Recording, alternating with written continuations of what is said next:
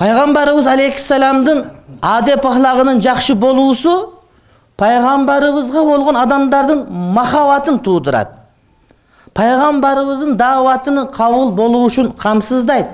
Пайгамбарыбыздын тегерегине адамдардын чогулуусун камсыздайт. Демек урматтуу бир тууганым биз мусулмандар бир шаарда бир аалым болсо тафсир боюнча фых боюнча же муфти жетиштүү болот. Фарзи кифая бишкекте бир муфти жетиштүү болот. Баардыгына болот болбойт харам халал айтып бергенге. А бирок адамдарды ыйманга чакырган даават ишинде ар бирибиздин мойнубуздагы милдет болот урматтуу бир тууганым. Ар бирибиздин милдетибиз болот. Демек ар бирибиз биз милдеттүүбүз пайгамбарыбыздын жанагы аалым болушуна алынган милдеттүү эмеспиз. Бирок дааватчы болгон алганга биз милдеттүү болобуз урматтуу бир тууганым. Демек адеп ахлак бизде болуш керек. Адеп ахлак бизде болуп жакшы кулук мүнөз бизде боло турган болсо адамдардын бизге болгон махабаты пайда болот адамдардын бизге болгон махабаты пайда болсо оозуңан чыккан сөз сенден чыккан кыймыл аракет аларга үлгү болуп сен айтып аткан дааватың ошолорго урматтуу бир тууганым кабыл болот. Сенин тегерегиңе адамдар топтолот анткени сен пайгамбардын кулук мүнөзүн өзүңө топтогондугуң үчүн урматтуу бир тууганым. Адамдарга акча берип адамдарга кийим берип адамдарга кошоматтанып жагына албайсың. Алардын жүрөктөрүн урматтуу бир тууганым бийликке ала албайсың аларды кулук мүнөз адеп ахлак менен гана. Демек бул адам дагы момун дагы мусулман дагы эң чоң курал бул адеп ахлак жакшы кулук мүнөз болуш керек. Кулук мүнөз урматтуу бир тууганым өзүнүн түшүмүн берет эки эсе. Кандайча эки эсе? Кимде ким адамдарга мамиле кылса алладан үмүт кылып жана акыретти үмүт кылып эгерде антпей үмүт кыла турган болсоң бир эле сооп адамдардан жакшылык эле көрөсүң ой ушул жакшы жакшы киши деп. А бирок кудайдан үмүт кылып адамдардан үмүт кылбай турган болсоң урматтуу бир тууганым адамдардан мактоо жакшы сыйлык подаркка үмүт кылбай туруп жакшы мамиле кыла турган болсоң мына ушул адам чыныгы бактылуу адам. Бул адамдын башы бош болот бул адамдын көңүлү ток болот жана бул адам мага бирөө урмат кылбай сый кылбай аткан болсо ошого кыжаат болуу деген жок болот. Чыныгы ариф аллахтын акыйкатын билген жүрөгүнө кирген адамдарды урматтуу бир тууганым булар кылган жакшылык үчүн бирөөнү өзүнө карыздар деп эсептебейт. Бирөөгө бир тыйын берсе бир жакшы сөз айтса жылмайып койсо кээде бизде бар го кетип атып машина өтүп кетип атса өткөрүп бересиң анан карап турасың качан каасын жагып коет мынтип депчи жакпаса жаап койсо эмне деп кээде мен да өзүм сүйүнүп калам да стагфирла ушинтип койсо болбойбу бул кандай мындай эмне милдет кыласың ушундай да кээде өткөзүп коесуң анан карап турасың качан жагат жакса альхамдулилля өтүп кетесиң да. А ичиңен карай турган болсоң сен ошондон шүгүрдү ырахматты үмүт кылып аткан болосуң ошону чыгарыш керек деген сөз. Бирөөгө жакшылык кылып анан бүтүп анан кийин туруп каласың эмнеге? Алла ыраазы айтабы экен депчи. Бизде тартип кандай? Оң колуң бергенди сол колуң билбей калсын деп атат да а биздики өзүбүз билип дүйнөнүн баары билдирип айтып деп жарыя кылабыз анан кыйналып жүрө беребиз. Буга таарынабыз буга таарынабыз буга таарынабыз бир чоң байлар бар. Бизде байлар көп кудайга миң мертебе шүгүр барып таксырым ушундай ушундай кылып койсоңуз ушундай кылып койсоңуз жакшы болот десе эй ага миң жолу кылдым бир ырахмат деп койгон жок дейт да. Көп ушундай аталар апалар бар ушундай десе ырахмат дегенге жарабайт шүгүрдү билбейт деп айтат да. Демек биздеги адеп ахлак боюнча түшүнүгүбүз биздеги фыкых урматтуу бир тууганым кем деген сөз бирөөгө илим бердиңби унут. Биздин устазыбыз молдогази дамбылда. Жумага кээде келип калат. Өт десек өтпөйт. Анан кээде сүйлөшүп отурганын карап отурсаң экөөбүздүн кимибиз устаз деп ойлоп каласыз ага мен устазмынбы же ал мага устазбы деп. Бир өмүр бою милдет кылганын билген жокпуз. Сени окутуп койдум элем анттим эй кел антип мынт деген жок. Кээ бир аалымдарды билебиз молдолорду.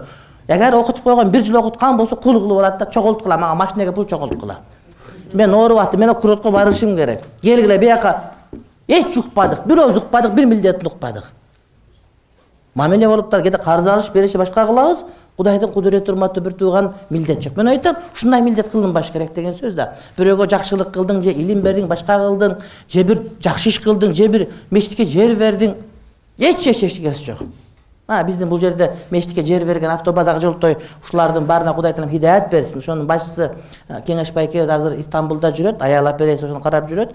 Кудай таалам эч бир милдет кылган жери жок келип алып. Кээ бир мечит салгандар отурбайт эшиктин оозуна ким кирди ким ой мындай мындай бас деп үйүндөй кылып. Мечитти кудайга өткөрүп бердиң болду бүттү. Ачкычтан алып мойнуна тагып алгандар дагы бар да. Жок бул жерди берди башка кылды жок кадимки намазган адамдар келип кетет урматтуу бир тууганым. Демек кылып аткан ишибизде биз эмне халис илля кылышыбыз керек болот. Чыныгы бактылуулук адамдарга кылган мамилени кудай үчүн кылсаң бактылуулук болосуң да. Үмүт кылбайсың бирөөдөн бирөөдөн коркпойсуң дебейсиң. Э, бирөөнүн мисалы үчүн э, ошондон этият болоюн дебейсиң. Эмне үчүн дегенде сен түптүү жолдо кетип аткан адамсың урматтуу бир тууганым. Ошон үчүн айтышат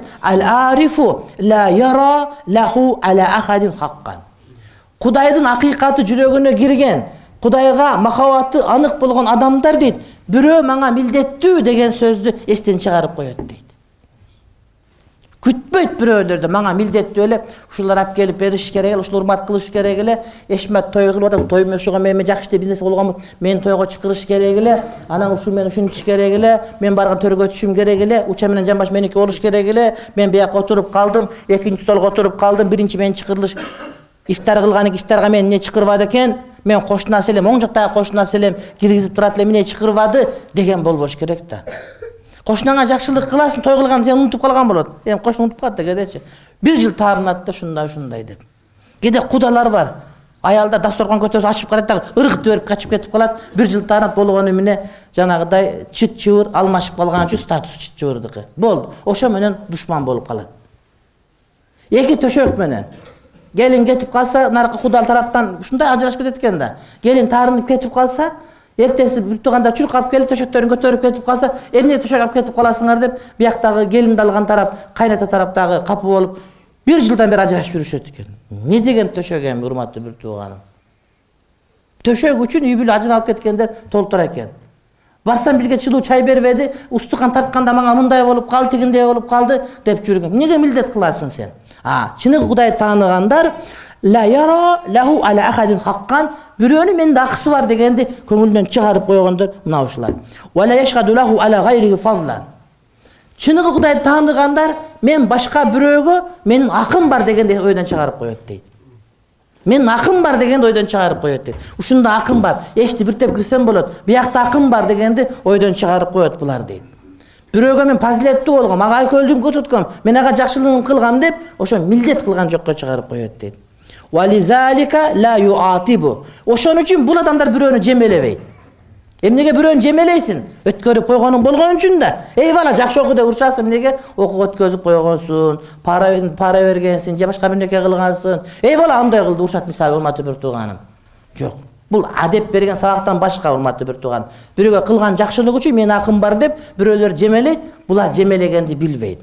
Бирөөдөн бир нерсени доолобайт дагы эй бала илгери сен жаңы келгенде жашагансың бизди сени окуткам мен мени карап тур деп ушундай бар да. Кээ бир бай келип барсаң таарынып калат. Эмнеге врачка таарынып калып чоң болуп кеткен депутат болуп кеткен башка болгон илгери шаарга келгенде орус жашатпай үйүнө. Мен үйдө баккан болчумун ушуну дейт да ошону милдет кылып ошого таарынып жүргөн эжелер жеңелер таэжелер таекелер море море толтура эмнеге булар бирөөлөрдөн талап кылат. Анткени булардын кылган эткени соопчулук үчүн эмес болгон. Бирөөлөр дагы бар кээде. Мен намаз үйрөткөм буга намаз үйрөтсөң намазды эми кудай үчүн үйрөттүң да үйрөтпөй эле койбойт белең? Кудай насип кылса сенден башка бирөөдөн кайра сен ушуга намаз үйрөт согуп алдың. Ошону эсиңен чыгарбашың керек бирөө менен мушташпайт дагы эмне үчүн акы талашып милдет кылып урматтабадың сыйлабадың кадыр талашып. Мусулман эмес ааламда ушул толтура а мусулман ааламда бул нерсе жок урматтуу бир тууганым жакшылык кылып коет эртеси жагын көрүп аткандай маселе. Эми кыргыз жакы сөз бар. Бир жерден тамак жесең жүз жолу салам айт деген албетте бул жакшы. Жакшы адам бирөөнүн кылган жакшылыгын эстен чыгарбайт. Өзүнүн кылган жакшылыгын дароо унутат. Ушул ислам ушул жаман адам өзүнүн кылган жамандыгын дароо унутат дагы бирөөгө кылган жакшылыгын тумар кылып боюна тагып алат же саат кылып астына илип алат. Чык чык деген сайын мен кылгам мен кылгам деп айтып турат урматтуу бир туугандар кудайым шерменде кылбасын